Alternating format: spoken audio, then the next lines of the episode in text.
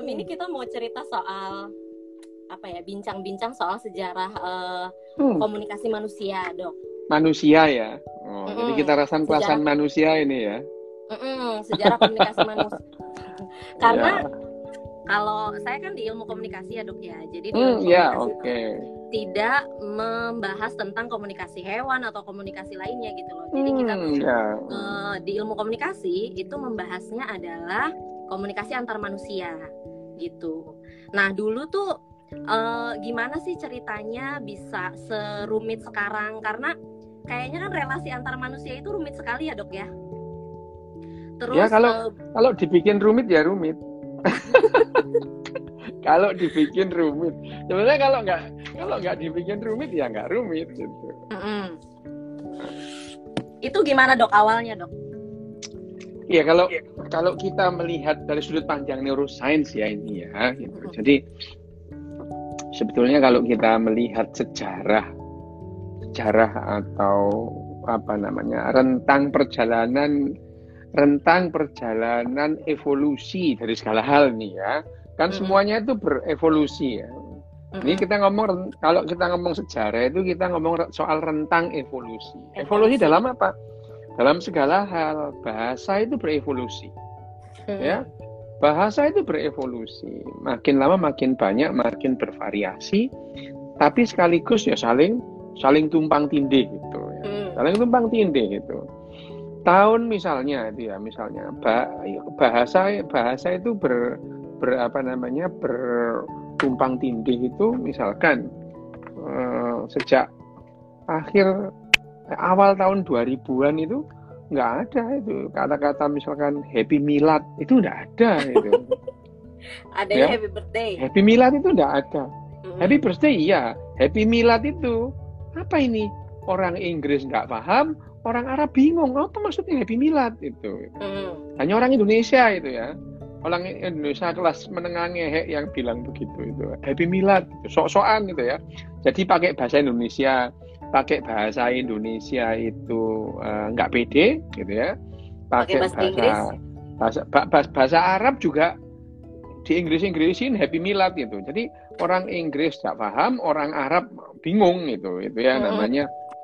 Ya itu itu adalah salah satu contoh bahwa yang namanya salah satu bukti bahwa agak bahasa itu juga ber berevolusi itu ya berevolusi dari awalnya ya dan misalkan apa bahasa Arab itu induknya bahasa Aramaik sana ada. Bahasa Inggris Jerman induknya sama. Uh, ya, Sanskerta dengan bahasa Latin itu sama gitu. Itu itu kalau kalau kalau dalam ilmu komunikasi kan ada. Tapi cuman kalau dalam dalam sudut sudut pandang neuroscience bagaimana kita mempelajari komunikasi manusia? Ya kita melihat otaknya gitu. Hmm. Di otak kalau kita bilang bahasa di otak itu ya, di otak itu di otak itu ada pusat bahasa gitu ya, ada area Wernicke sama area area Broca, area Wernicke gitu. Yang satu hmm. itu adalah uh, keterampilan apa namanya uh, keterampilan mengungkapkan mengungkapkan bahasa mengungkapkan bahasa mengungkapkan kata mengungkapkan bahasa mengungkapkan lisan mengungkapkan ide itu itu hmm. Broca. Sementara Wernicke itu dia itu di otak itu area Wernicke itu dia itu uh, mempersepsikan segala sesuatu ya. Jadi hmm. otak kita, otak manusia pada akhirnya ya, otak kita itu adalah alat untuk merespon ya merespon dan menerima. Jadi menerima rangsangan dan memberikan respon. Sumber rangsangannya, sumber informasinya dari mana? bisa dari diri kita sendiri gitu ya sakit perut ya lapar gitu ya itu informasi yang didapat otak dari diri kita sendiri gitu ya hmm.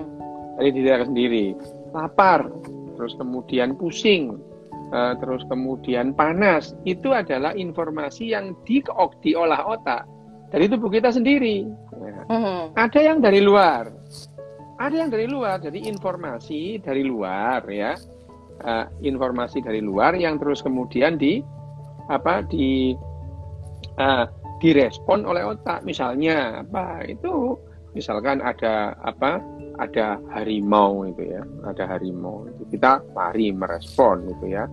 Kita hmm. melihat terik matahari terus kita apa uh, apa berteduh atau kita ada hujan terus kita itu itu adalah respon informasi yang apa yang yang mengubah. Jadi otak ini tujuannya untuk mengubah perilaku itu.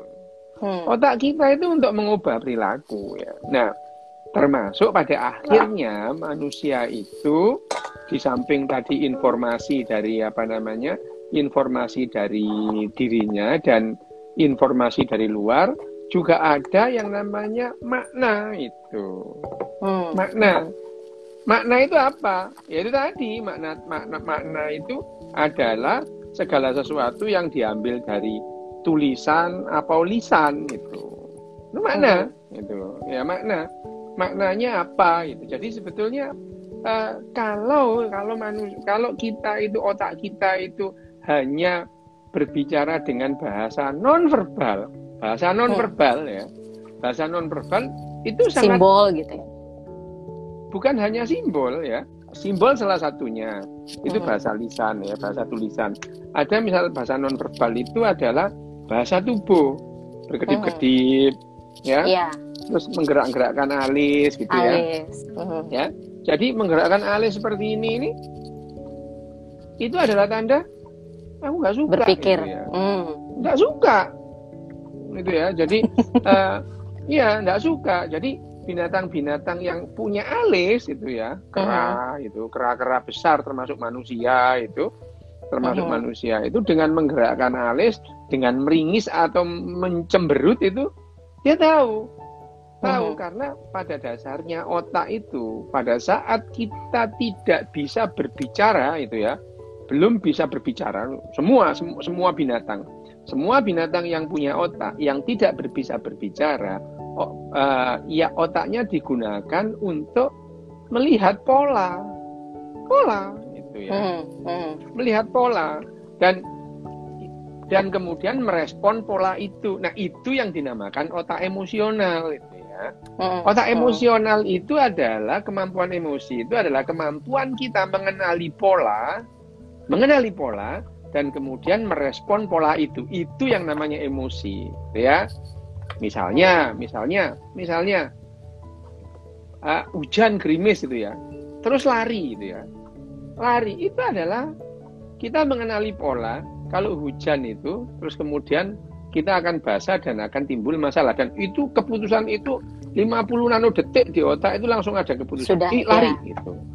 Ya. Hmm ya ya itu ya lantas itu. ini uh, dok dulunya kan komunikasi itu tidak sekompleks sekarang gitu kan sangat simpel bahkan ya. mungkin uh, melalui apa peninggalan berupa uh, telapak tangan yang di gua-gua gitu loh oh iya uh, ya hmm. itu proses evolusinya tuh gimana sih sampai sekarang kita bahasa iya. berbeda ya. gitu ya pak proses evolusi karena karena ya kalau misalkan ya manusia ini kan dulunya kelompok kecil gitu ya berkelompok-kelompok hmm. kelompok kecil dan kelompok kecil terus kemudian kalau dia pindah terus kemudian terisolasi secara geografis di situ dia berkembang hmm. biak di situ bahasanya berkembang berbeda dengan bahasa yang di tempat lain gitu ya makanya misalkan misalkan uh, uh, kelompok pemburu pengumpul yang kemudian tahun 60 ribu tahun yang lalu kemudian berhasil menyeberang ke Australia dan puluhan ribu tahun terisolasi di situ, tentu bahasanya berbeda dengan yang di dengan Papua. Orang.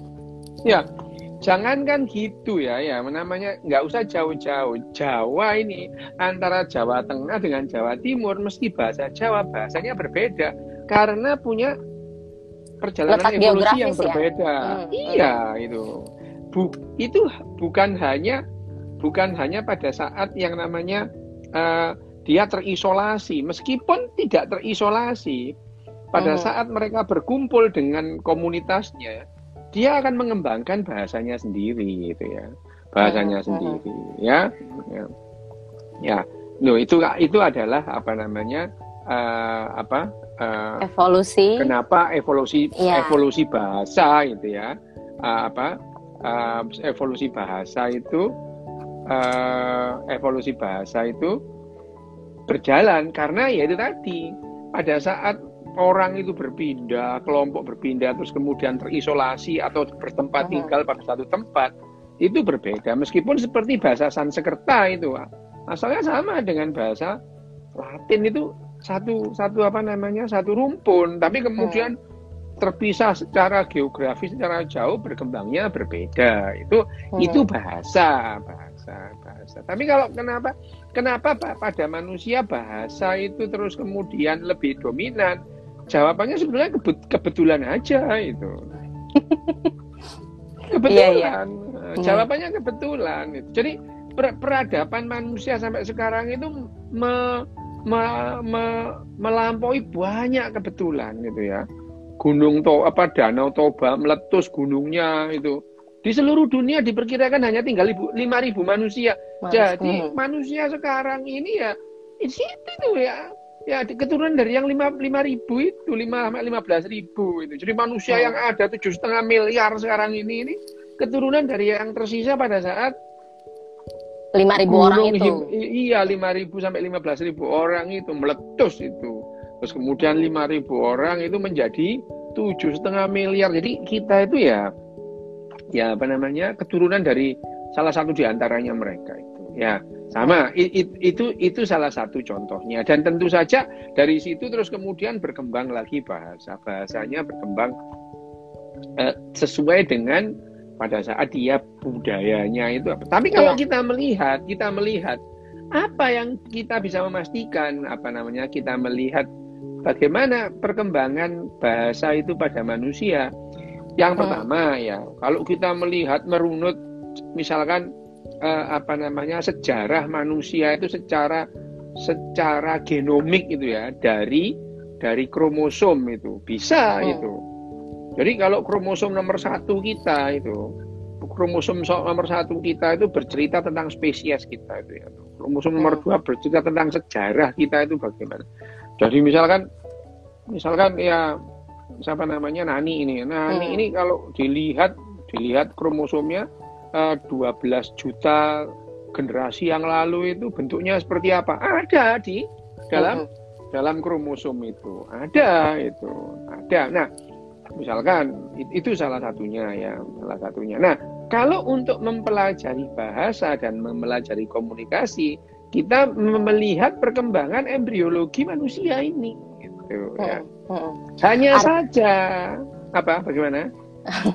Artinya uh, alam dalam hal ini meskipun tadi dokter bilang kebetulan gitu ya, alam tuh sangat berperan penting ya dok ya.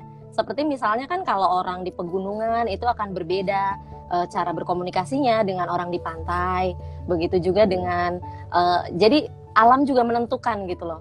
Seperti orang jangan di pantai itu jangan lupa kita ini bagian dari alam. Mm -hmm. Ya, jadi kalau yeah, misalkan yeah. alam menentukan kita, loh kita itu kita ini bagian alam. dari alam itu ya. Oke. Okay.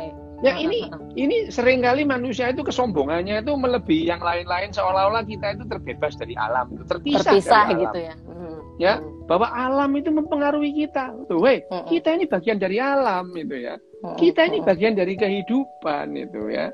Lingkungan sekitar kita itu alam. Lah, kita itu bagian kecil dari alam ya. Iya. Ya, Kebetulan jadi, semalam nonton itu dok uh, film hmm. dokumenter yang diam dan dengarkan. Uh, uh, yang okay, ada dokter ya. di situ ya. Hmm. Ya, kita Bahwa, ini bagian ya. dari alam. Hmm. Kita bagian dari alam. Bahwa kita itu bergerak dan berubah ya sesuai dengan pergerakan dan perubahan alam. Alam, ya, oke. Okay, perubahan baik. alam, hmm. ya.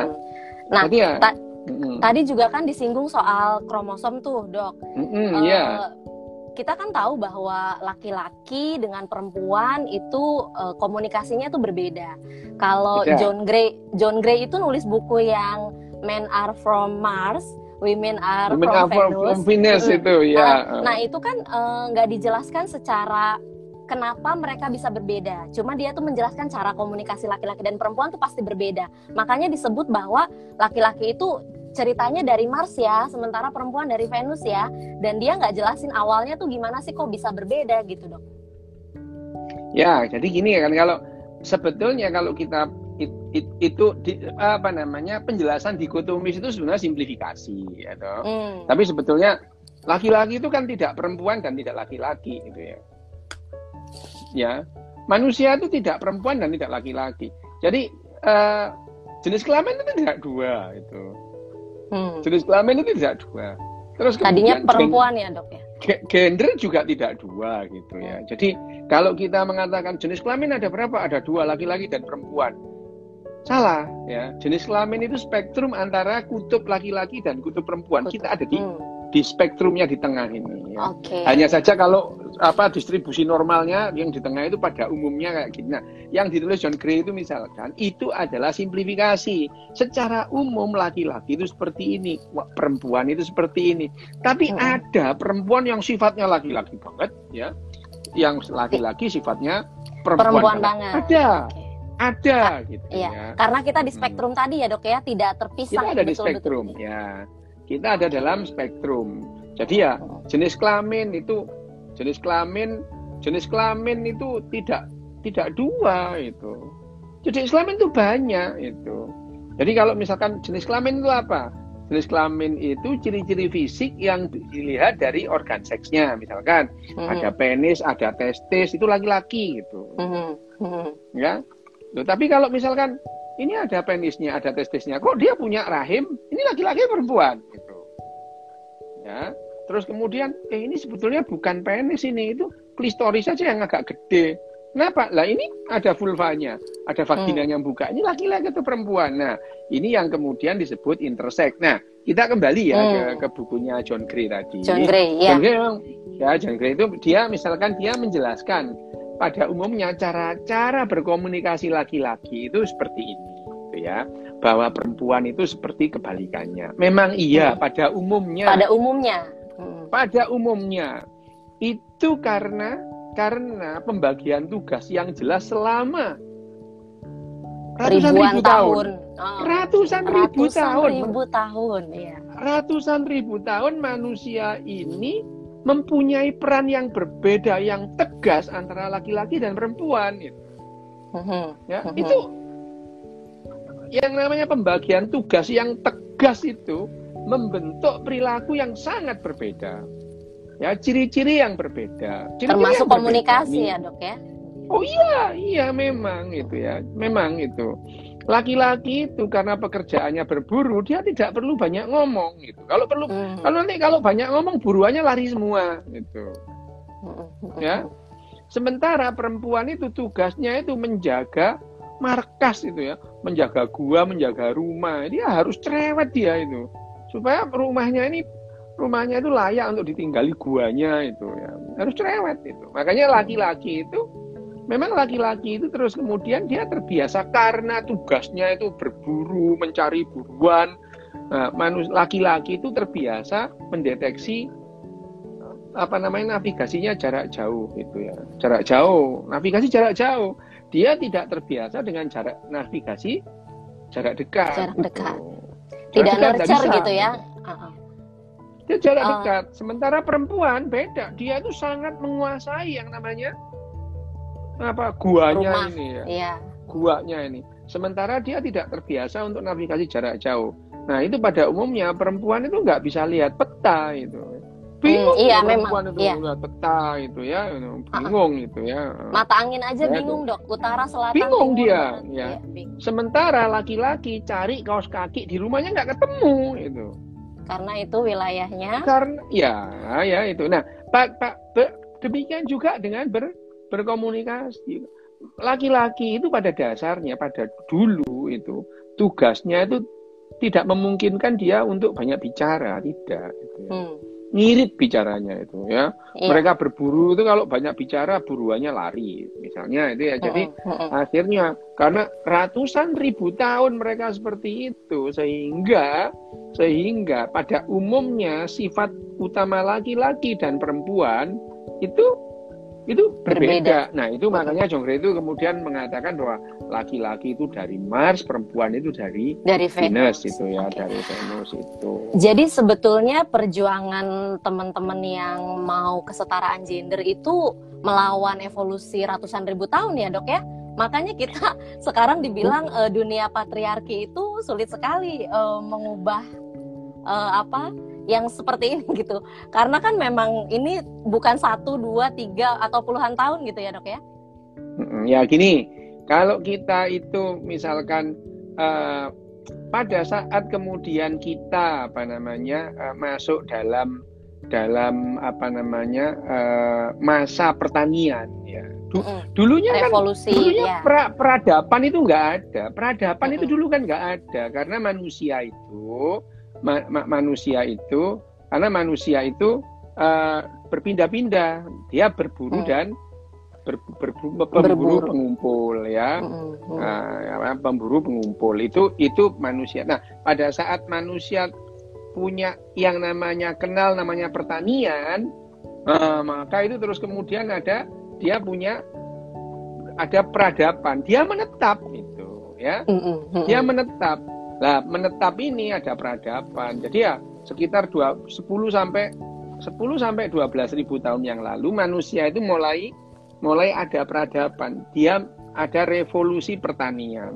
Nah, hmm. revolusi pertanian ini yang kemudian itu melahirkan kerajaan, melahirkan negara-negara lama ya. Kalau misalkan kita ngomong ancient Egypt itu ya, Mesir, Mesir kuno itu kan baru sekitar ya sekitar 5 6000 sampai 5000 tahun yang lalu. Ya, memang awal-awalnya iya sekitar 10.000 tahun yang lalu sudah ada, tapi belum ya belum ya misalkan piramid itu piramid yang dibangun awal-awal itu tidak sebagus piramid yang yang ada ada pada oh. ada pada misalkan 3000 atau 2000 tahun yang lalu piramidnya piramidnya Mesir itu pun dia juga mengalami mengalami, mengalami evolusi evolusi evolusi jadi piramid yang pertama tadinya nggak nggak segitiga gitu dok atau gimana? Nggak, nggak, nggak. Lurus itu. segi empat gitu ya? Ada yang segi empat, bahkan ada yang oh, membuat piramid terus pada saat pertengahan pertengahan pembuatan ambruk itu banyak itu hmm. ya ada dan sampai piramid yang dia menemukan formula menemukan bentuk yang bagus yang hmm. di, di Giza itu ya yang tiga piramid bagus itu yang di Giza nah itu yang uh, apa namanya itu itu itu. Nah itu nah pada saat seperti itu mereka mengembangkan cara berkomunikasinya gitu ya. Ya nah uh, jauh sebelum ini dok. uh, jauh sebelum hmm. revolusi pertanian itu kan ada revolusi kognitif. Kalau kata uh, Harari uh, yang bikin manusia dulu sebelum era revolusi kognitif berkomunikasi itu api. Itu gimana dok penjelasannya Oh, yang dibilang Harari itu hmm. itu di, ya, itu juga di anu juga di apa namanya di di, di, di dibahas juga oleh Jared itu bagaimana orang Jared itu berkomunikasi ya hmm. ya sebetulnya ti, ti sebenarnya tidak hanya tidak hanya manusia ya binatang-binatang non manusia juga mengembangkan yang namanya bahasa verbal itu tapi hmm. kebetulan tadi ada pertanyaan tidak, tuh dok uh, soal bagaimana evolusi uh, komunikasi terjadi juga nggak katanya di hewan gitu. Tadi ada pertanyaan seperti itu. Lah kita juga hewan, gimana? Maksud maksudnya mungkin pertanyaannya uh, hewan dan manusia. Bukan, ya, gitu yang ya. bukan Homo sapiens gitu dok. Iya, iya kan. Ya. Nah kalau misalkan pada hewan lah, kita juga hewan, gimana sih? Ya, gitu. Jangan lupa kita ini hewan, gitu yeah. ya. Gitu. Kita ini hewan.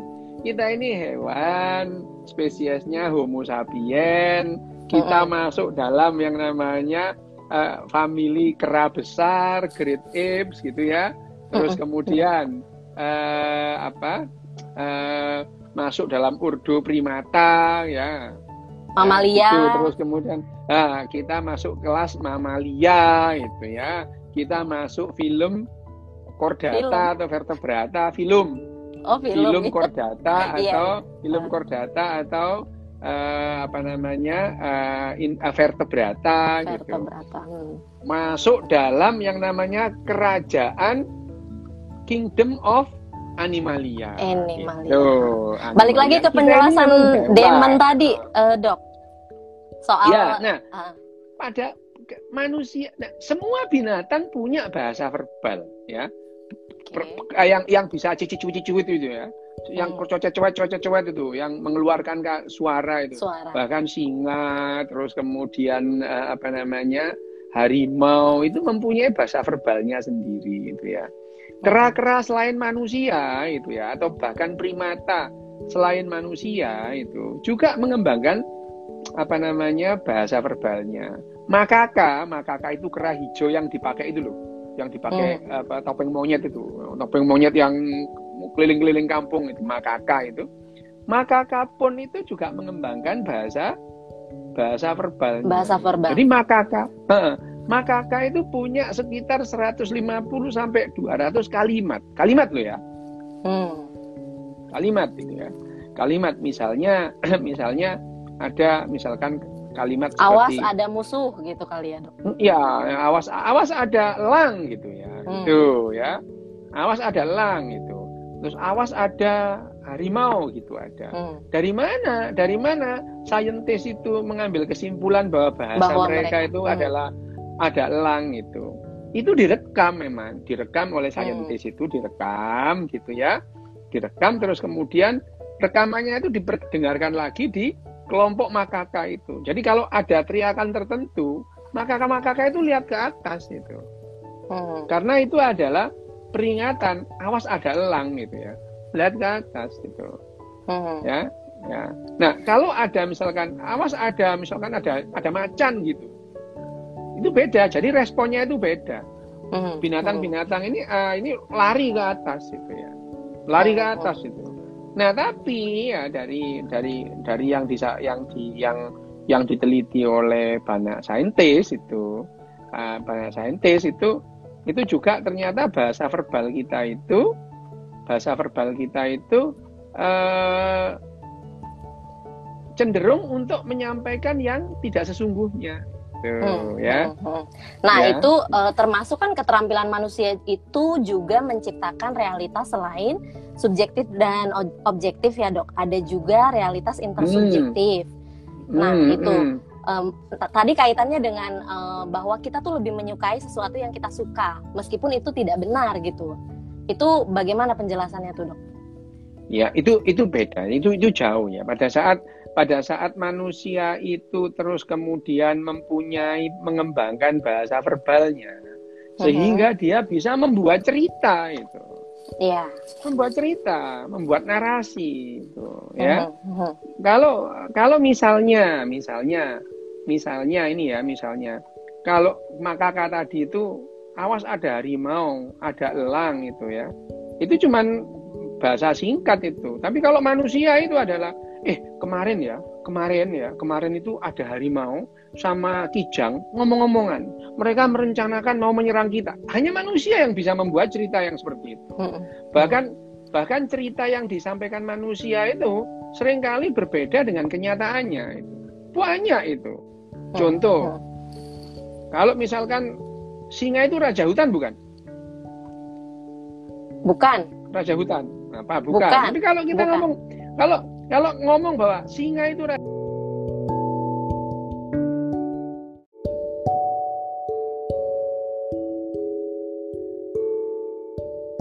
hutan, ya salah, tidak ada singa di hutan itu.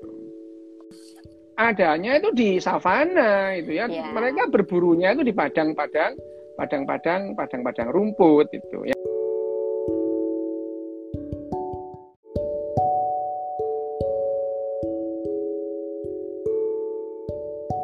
Padang-padang padang-padang rumput itu ya. Padang, nah, padang itu rumput. yang namanya nah, ya itu itu yang namanya bahwa manusia itu akhirnya bahasa verbal ini cenderung cenderung menyampaikan yang tidak sesungguhnya. Tapi hmm. menyampaikan yang tidak sesungguhnya itu bukan berarti tidak memberikan keuntungan gitu. Menyampaikan yang tidak sesungguhnya terus kemudian akhirnya menjadi yang namanya manner tata krama itu adalah salah satu cara untuk bekerja sama gitu hmm. ya. Hmm. Ya, nah, makanya yang namanya awal yang disebut revolusi kognitif ya, yang yang disebut oleh Harari revolusi Harari. kognitif itu pada saat sekitar 250 ribu sampai 200 sampai apa 250 sampai 100 sampai 150 100 ribu tahun itu lama loh gitu iya. ya. Hmm. Lama itu Berapa ya. generasi gitu ya dok? Loh, lama 100 ribu tahun itu lama. Orang mengembangkan bahasanya selama seratus ribu tahun itu lama itu meskipun ya meskipun terus oleh Harari disebut revolusi karena memang sebelumnya itu manusia juga seperti binatang-binatang lain dia berkomunikasi dengan bahasa-bahasa verbal yang sangat terbatas ya sangat terbatas dan itu ada tercatat yang disampaikan Harari dan Jared Diamond itu ada dalam perkembangan otak kita itu. Okay. otak kalau kita melihat Kalau kita melihat, kalau kita meneliti gen kan kita melihat per generasi, ratusan ribu generasi. Tapi kalau kita melihat perilaku, perilaku ya, melihat perilaku kita itu melihat yang namanya perkembangan embrio otak kita. Hanya saja, hanya saja, terus kemudian bahasa-bahasa narasi yang muncul setelah masa-masa revolusi pertanian yang baru 10 sampai 12 ribu 12 tahun yang ribu lalu. Tahun. Itu tidak terekam dalam dalam embriologi karena ini hmm. terlalu terlalu singkat untuk mengubah fisik kita itu.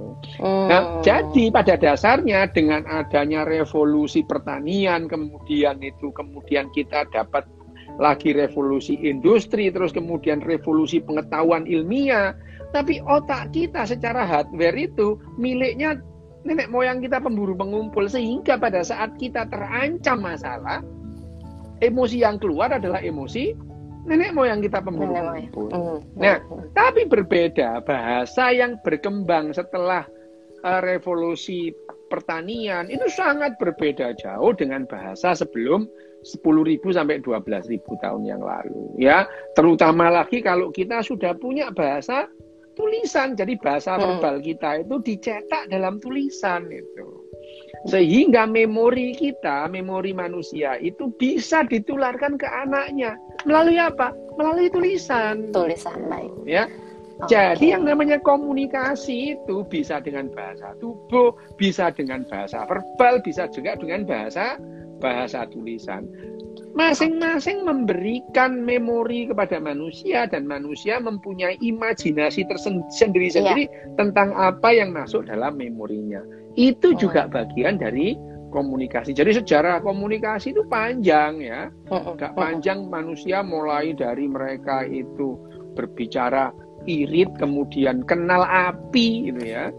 Kenal api sehingga dari api itu terus kemudian dia punya waktu lebih luang banyak, dia Untuk terus ngobrol kemudian ya, menge ya mengembangkan mengembangkan bahasanya itu. Ya, akhirnya ya sampai seperti sekarang bahkan kalau misalkan kita sekarang kita itu ya kalau misalkan membaca bukunya William Shakespeare banyak kata-kata yang kita nggak paham. Kita nggak paham, baik. Ya itu baru beberapa ratus tahun yang tahun lalu yang kita lalu. juga nggak paham itu ya. Kita apalagi, sudah nggak paham bahasanya. Apalagi hmm. kita ngomong ratusan ribu tahun, apa puluhan ribu tahun yang lalu bahasanya hmm. berbeda. Gitu ya. Jadi gitu ya dok ya. Uh, salah ya. satu yang membuat komunikasi uh, Homo sapiens itu lebih canggih daripada spesies lainnya itu salah satunya tulisan ya kan bahwa tulisan. ya kita bisa terus menerus mengembangkan komunikasi verbal kita melalui tulisan, melalui karya hingga bisa dikenali oleh uh, generasi-generasi berikutnya, hmm. hingga bisa hmm. menciptakan hmm. realitas intersubjektif. Uh, ya, ya, ya, ya, ya, hmm. ya. Sebetulnya yang namanya yang disebut-sebut apa namanya yang disebut-sebut uh, uh, sebagai apa yang tadi disebut oleh Harari sebagai intersubjektif reality itu ya atau hmm. namanya uh, intersubjektif reality itu adalah narasi yang dibangun untuk mengikat mengikat kelompok itu ya hmm. intersubjektif reality. Jadi kita mempunyai intersubjektif reality yang sama pada satu kelompok. Untuk kelompok lain intersubjektif Belum reality tentu. ini nggak berlaku. Nggak berlaku itu. Yang paling gampang contohnya ya sepak bola itu. Sepak bola itu kalau Arema melawan Persebaya itu tetangga tetangga kota itu kalau kalau kalau main kayak mau bunuh-bunuhan itu bunuh-bunuhan beneran itu seperti Persija dengan apa uh, Persib Bandung gitu apa bunuh-bunuhan yeah. mah hmm. ini yang namanya Persebaya di Surabaya Arema di Malang, Malang. mereka punya yang namanya intersubjektif reality tersendiri yang satu hmm. itu Arema yang satu itu Persebaya. Persebaya. Ya. Nah, tapi kalau nanti dia diikat oleh intersubjektif reality yang lebih besar Jawa Timur pada saat dia pon mereka bersatu berantemnya dengan Jawa Barat itu. Hmm. ya, lebih luas kalau, lagi nanti ya. Okay. nah terus kemudian kalau narasinya Negara. itu intersubjektif reality Indonesia ikut si game mereka berantemnya sama Malaysia gitu. Jadi yang namanya intersubjektif reality tadi itu untuk mengikat kelompok itu. Sama itu. Jadi intersubjektif reality dari mana awalnya dari bahasa itu bahasa bahasa kita membuat intersubjektif reality sendiri untuk untuk apa untuk untuk mengikat kelompok ya itu ya. Kalau kecenderungan manusia lebih menyukai apa yang dia percaya tapi itu nggak benar itu kenapa tuh dok? Karena yang namanya kepercayaan itu adalah ada dalam otak emosionalnya. Gitu ya. hmm. Otak emosional. Kita mempercayai sesuatu itu ada dalam otak emosi. Sementara otak rea, otak rasional kita itu mengkonfirmasi atau meng, sebetulnya ini benar apa tidak. Hanya saja yang namanya rasionalitas manusia itu lebih seperti pengacara ketimbang seperti hakim. Jadi yang hmm. namanya rasionalitas manusia itu berkembang itu adalah mencari pembenaran untuk keyakinannya, bukan mempertanyakan bukan keyakinan. Hmm, ya. Bukan mempertanyakan keyakinannya. Dan hmm. itu yang kemudian berkembang, skeptisisme itu berkembang sebagai dasar-dasar pengetahuan ilmiah ya. Jadi hmm. yang namanya pengetahuan ilmiah dasarnya memang nggak percaya gitu ya. Hmm, nah, pengetahuan iya. ke, pengetahuan ilmiah itu dasarnya tidak percaya. Tidak Kalau percaya. keyakinan dasarnya, dasarnya percaya. Kalau percaya. kita sudah punya keyakinan rasionalitas kita itu kita gunakan untuk memperkuat mencari argumen-argumen kenapa keyakinan saya ini benar gitu hmm. ya. itu meragukan adalah, segala sesuatu gitu ya dok ya untuk mencari uh, tahu lebih lanjut begitu. Itu kan kalau skeptisism. Hmm. tapi itu tidak boleh dalam keimanan itu tidak boleh ya. meragukan kebenaran itu. Jadi tapi, memang mm berangkatnya sudah berbeda gitu. Mm makanya nggak akan pernah ketemu ya dok ya antara ya, ya, uh, ya, ya. kalau mau ketemu itu ya harus harus dibuang itu yang namanya. Kalau mau menemukan itu kalau mau hmm, menemukan harus. itu dibedah itu ya dibedah. Bener apa enggak gitu ya hmm, gitu. Hmm, hmm, bukan ini pasti bener. Itu tidak berlaku bagi pengetahuan ilmiah. Pengetahuan ilmiah hmm. itu juga apa namanya pengetahuan ilmiah i, apa yang namanya ini juga komunikasi ya ya. Komunikasi. Komunikasinya komunikasinya saintis, itu dasarnya adalah pengetahuan ilmu saintis peng, uh, saintis itu. Skeptisism itu itu komunikasi juga. Ini bentuk komunikasi gitu ya. Ini bentuk komunikasi. Komunikasi. Nah komunikasi yang sering tidak nyambung itu adalah karena yang satu berdasarkan tidak percaya yang satu itu yang ini satu harus berdasarkan. benar, itu okay.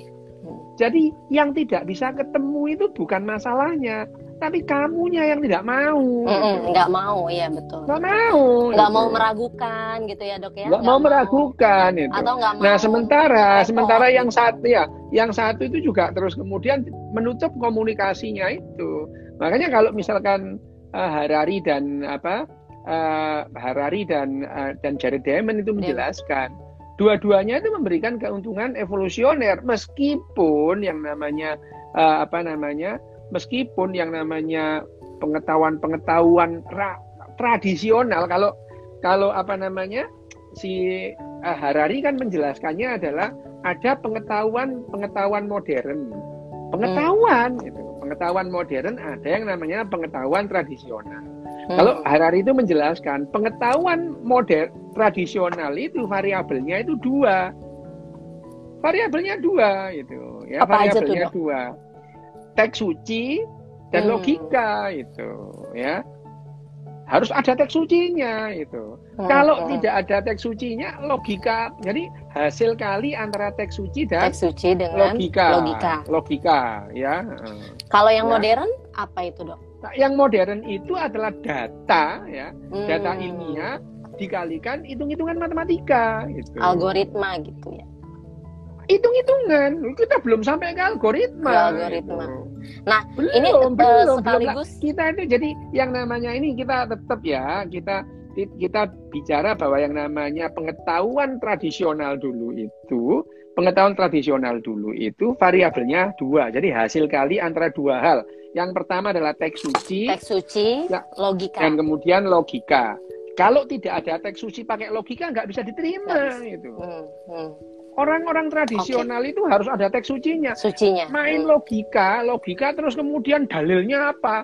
dalilnya apa itu meskipun kita pakai logika tapi kalau tidak ada teks sucinya nggak laku hasil kalinya nol itu ataupun kalau ada teks suci ya teks suci tapi tidak dilogikakan hasilnya juga nol gitu. Jadi yang namanya pengetahuan tradisional adalah hasil kali antara antara logika, logika dan teks suci.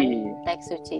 Itulah kenapa banyak sementara uh, sementara kalau yang namanya uh, apa namanya pengetahuan, pengetahuan ilmiah modern. yang modern ini modern ini pengetahuannya adalah data data ilmiah hmm. dikalikan hitung-hitungan matematika. Hitung matematika. Ada data nggak kamu hitung ya tidak berarti apa-apa. Ngitung tapi tidak ada datanya juga nggak berarti apa-apa. Gitu. Okay. Itu yang berbeda gitu ya. Nah, Termasuk. yang namanya teks suci itu ya bisa macam-macam, ya bisa kitab suci, bisa primbon lah, bisa apa lah terserah. Pokoknya itu teks suci, teks yang dianggap suci itu. Itu Makanya nah. riskan banget uh, dulu itu ada saintis yang dibunuh gitu ya dok ya karena nggak mengaitkan dengan teks suci itu gitu ya. Ya itu itu kan sejarah mm. gitu. Mm. Sejarah manusia itu biasa gitu ya. Manusia ini memang gampang membunuh itu ya. Mm. Gampang membunuh. Tole toleransi itu bukan bukan sifat manusia, manusia. toleransi. Bukan sifat manusia. Manusia itu bisa bisa saling bunuh hanya gara-gara beda logat. Bisa bunuh-bunuhan itu. Beda warna kulit iya. bisa bunuh-bunuhan. Oke. Okay. Gitu. Dok, ini ada pertanyaan, Dok. Uh, Apa?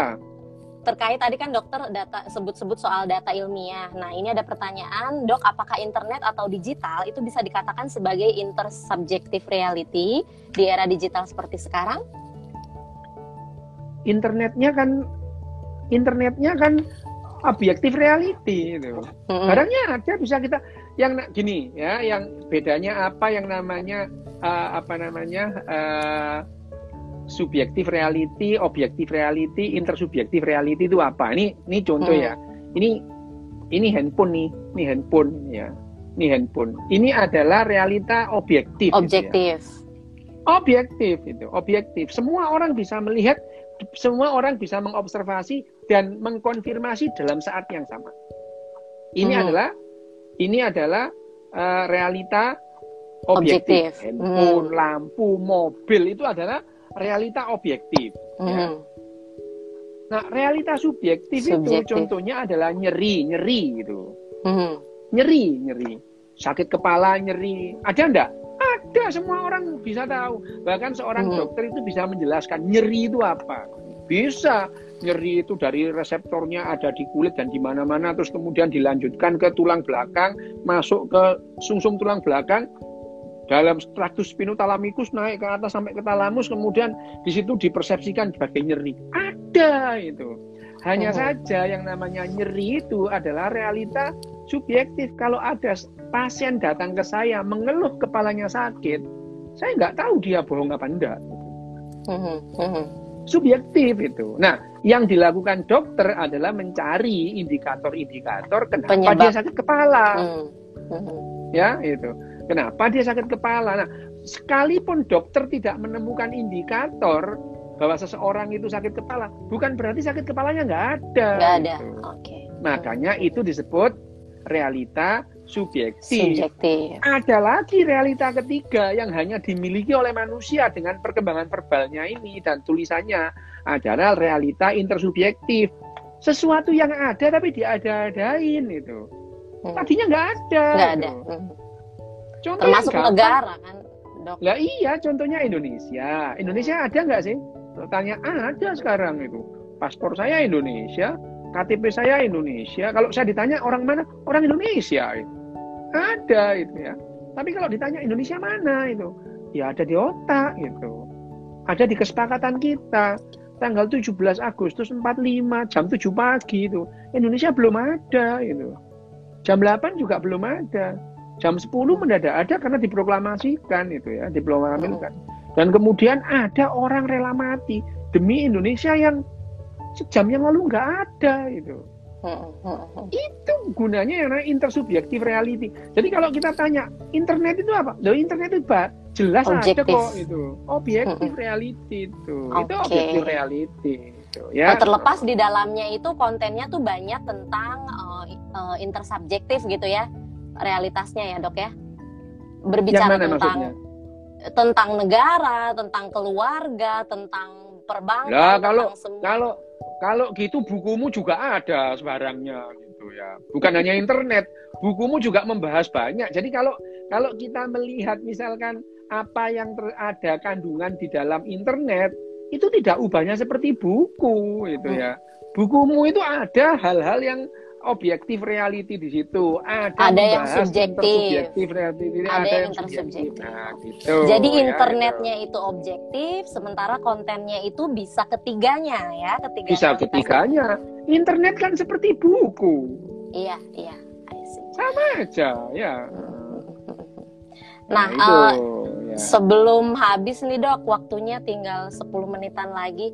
Oke. Okay. Uh, jadi balik lagi nih, kenapa komunikasi manusia sampai seperti sekarang itu kalau dilihat secara neuroscience itu memang di otaknya itu uh, ada ya dok ya, ada otak bahasa. Ada, iya gitu. memang. Hmm. Di otak kita itu ada pusat bahasa, ada pusat bahasa itu ada dua, ada pusat bahasa yang untuk untuk menyampaikan, mengekspresikan bahasa, hmm. ada yang untuk mempersepsikan bahasa. Jadi pada saat orang bicara itu yang ber, kita mendengarkan orang berbicara itu pusat bahasa di otak itu uh, memproses apa yang kita dengarkan, memproses dan kemudian menjadi sebuah yang disebutkan sebuah persepsi. Persepsi itu adalah pada saat kita mendengarkan terus kemudian suara itu diteruskan sebagai data-data kimia dari telinga masuk sampai ke pusat bicara, pusat bahasa ya pusat bahasa di otak kita. Dan dari situ kita terus kemudian uh, mempersepsikan bahasa itu apa. Dan setiap orang meskipun katanya sama kalimatnya sama persepsinya orang akan tentu berbeda gitu. misalnya ada orang bilang hantu itu ya bilang hantu gitu kata-kata katanya itu hantu tapi begitu masuk ke kepala orang dan ke otak masing-masing persepsinya akan berbeda beda, tentang beda. hantu itu ya hmm, hmm. tentang hantu itu beda gitu. jadi di, misalkan orang eh, ah, gimana iya kalau di ilmu komunikasi itu ada teori yang tua sekali dok namanya teori SR teori stimulus hmm. respons jadi ternyata hmm. teori itu kalau ditarik ke atau dilihat secara neuroscience itu memang ya seperti itu ya ada ya ada yang untuk menyampaikan dan juga mempersepsi uh, ada yang kita bisa uh, sebagai komunikator, ada juga sebagai komunikan yang me, apa ya mempersepsi, menerima gitu ya, memaknai pesan gitu ya dok ya. Iya memang begitu ya. Jadi hmm. tapi otak kita lebih kompleks dari sekedar seperti itu ya. Karena yang namanya yang namanya persepsi kita itu dipengaruhi juga oleh emosi gitu ya. Emosi gitu. Jadi emosi kita itu emosi manusia itu juga berpengaruh membentuk sebuah persepsi. Gitu. Persepsi persepsi itu sendiri juga tergantung pada memori gitu ya. Jadi kalau misalkan orang bilang hantu gitu, memori tentang hantu tiap orang itu beda gitu. Misalkan orang Inggris kalau lihat hantu nggak mungkin lah lihat lihat pocongan, nggak kenal pocongan gitu. Tergantung pada pengalaman masing-masing gitu ya dok ya? iya dan dan pocongan itu kan hantu baru tahun 70 baruan itu tahun 60 belum ada pocongan itu. Dan ma makanya hantunya orang Indonesia itu makin lama makin banyak. Tahun mm -hmm. 60-an ada suster gepeng gitu ya. Sekarang ada suster ngesot macam-macam itu ya. Macam-macam macam-macam itu itu itu, okay. itu adalah cara kita berkomunikasi. Jadi cara manusia berkomunikasi awalnya adalah dengan emosinya itu ya. Dan emosi itu terus melahirkan bahasa verbal gitu ya. Jadi emosi jadi, itu bisa kita tangkap itu semuanya memang sumbernya dari ini ya dok dari otak ya dok ya? Iyalah otak, semuanya itu otak. Otak kita termasuk yang... emosi ya, Dok ya? Ya e emosi juga di otak. Ya. Tapi orang emosi. kalau sakit hati pegangnya ini dok, bukan pegang ya. kepala. Ya itu adalah itu adalah warisan dari ketidaktahuan kita dulu gitu. Hmm. Ya. Kalau marah gondok katanya di sini gitu. Ya, Padahal kan itu. itu semua dari otak ya dok. Dari otak, tapi ya namanya manusia. Manusia itu dengan dengan yang namanya uh, perkembangan evolusionernya yang ratusan ribu tahun itu ya. Hmm ratusan ribu tahun itu hal-hal yang meskipun salah pun tetap dipegang gitu. Hmm. Karena ribuan tahun itu ya pengetahuan kita itu berdasarkan sumber pengetahuan manusia selama ribuan tahun itu su bukan sumber yang mempermasalahkan benar atau salah itu. Iya betul. Ya. Karena uh, bisa jadi apa yang kita sebut betul sekarang juga oleh generasi kapan itu akan ditertawakan bisa jadi kan dok? Berkembang kan ya. kebenaran atau ya berevolusi ya, tapi juga. tetap aja bukan. Tapi kebenaran dalam pengetahuan ilmiah itu ada dasarnya. Iya, iya bukan ngarang-ngarang. Dan pengetahuan sains itu juga tidak terobsesi dengan kebenaran. Dengan kebenaran, kalau ada betul. kebenaran baru, kalau ada kebenaran baru ya kebenaran lama ditinggal gitu. Hanya yang saya sampaikan ini adalah pengetahuan, sumber pengetahuan manusia ratusan ribu itu bukan didasarkan kebenaran, didasarkan karena yang namanya uh, apa namanya uh, pengetahuan itu adalah disebutkan uh, kebenaran yang berdasarkan uh, hierarki gitu. Hmm. ya authority yang disebut authority based truth gitu ya. Apa authority itu, based truth kebenaran yang didasarkan otoritas gitu. Apa pun hmm. yang dikatakan kepala suku yang nggak benar gitu. Hmm. apa pun yang di, di, di, dikatakan apa namanya dikatakan oleh dukun pemimpin. sukunya. iya dukun itu ya dukun kecil dukun besar itu ya. Dukun maha dukun gitu. Itu ada level-levelnya itu kan ada. Ya itu yang membuat manusia itu ratusan ribu tahun yang dianggap benar itu adalah truth itu adalah authority based truth gitu. ya on bilang misalkan ini ya matahari itu kalau sore dia itu tidur di sana. Besok pagi itu dia bangun karena dengar ayam berkokok. Itu kan dipercaya. Itu, kan, itu percaya ya dan dan kepercayaan apa namanya kepercayaan kepercayaan manusia terhadap yang dianggap punya otoritas authority based truth itu yang membuat lama itu sampai sekarang itu sampai sekarang itu. Sampai sekarang sampai sekarang orang datang ke dukun itu karena merasa dukun itu lebih dekat dengan lembut yang di atas itu. Percaya dia itu. Apa pun meskipun nggak masuk akal gimana pun ya diikuti itu ya. Gitu. Jadi memang panjang sekali ya dok ya uh, sejarah evolusi uh, perkembangan komunikasi manusia dari awalnya berupa simbol, berupa artinya tidak tidak verbal gitu ya sampai akhirnya di era revolusi kognitif orang bertemu api lebih banyak waktu untuk berbicara mengembangkan bahasa sampai hari ini uh, jadi make sense bahwa uh, begitu rumit gitu loh komunikasi orang sekarang dengan berbeda-beda tempat, kemudian berbeda-beda apa yang mereka percayai, berbeda-beda uh, realitas seperti itu. Ya, yang namanya karena berkembang evolusi ini kan diver, diver, diver, divergen ya, ber, berkembang beda-beda gitu ya. Hmm. Hanya saja sekarang ini kita menuju satu penyatuan gitu. Kalau dulu dia kita berkembang, bahasa itu dulu ya berkembang berbeda, sekarang itu menya, cenderung menyatu gitu ya. Hmm. Cenderung menyatu. Cenderung menyatu. Sekarang Contohnya sekarang gimana? Se hmm. Nah, sekarang dulu yang paling gampang itu gampang itu yang namanya lu lu gue gue itu hanya gue. ada di Jakarta. Gitu.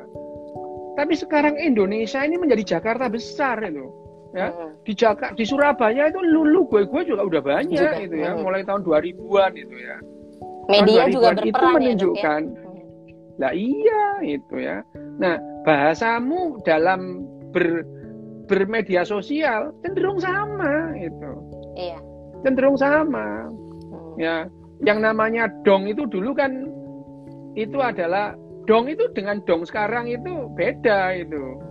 Aku aku bingung dong gitu itu. Oh. Eh, ketemu dong dong yang dulu dengan dong yang saya sekarang itu beda itu secara itu yang secara ya secara itu, ya itu kalam kalimat baru tapi hmm. orang juga paham maksudnya sekarang iya gitu. iya hmm. ya harusnya kan Makanya, kan secara itu ala gitu kan ala secara ya, tapi sekarang tidak bisa ya. yang namanya yang namanya makna dari sebuah kalimat dan bahasa itu adalah mengalami yang namanya penyempitan yang kemudian menyalahi hmm. pemburukan amelioratif peoratif melebar menyempit itu sudah biasa gitu ya sudah terbiasa makanya itu ya yang namanya biasanya yang suka mengkoreksi-koreksi susunan kalimat itu dia dia tidak paham apa kalau dunia ini berkembang gitu. Jadi dia itu ngotot bahwa dunia itu harus seperti apa maunya. Jangan gitu. Berbicaranya itu enggak begitu gitu. Bukan anu ya apa bukan merubah tapi mengubah. Tapi mengubah. Mengubah itu.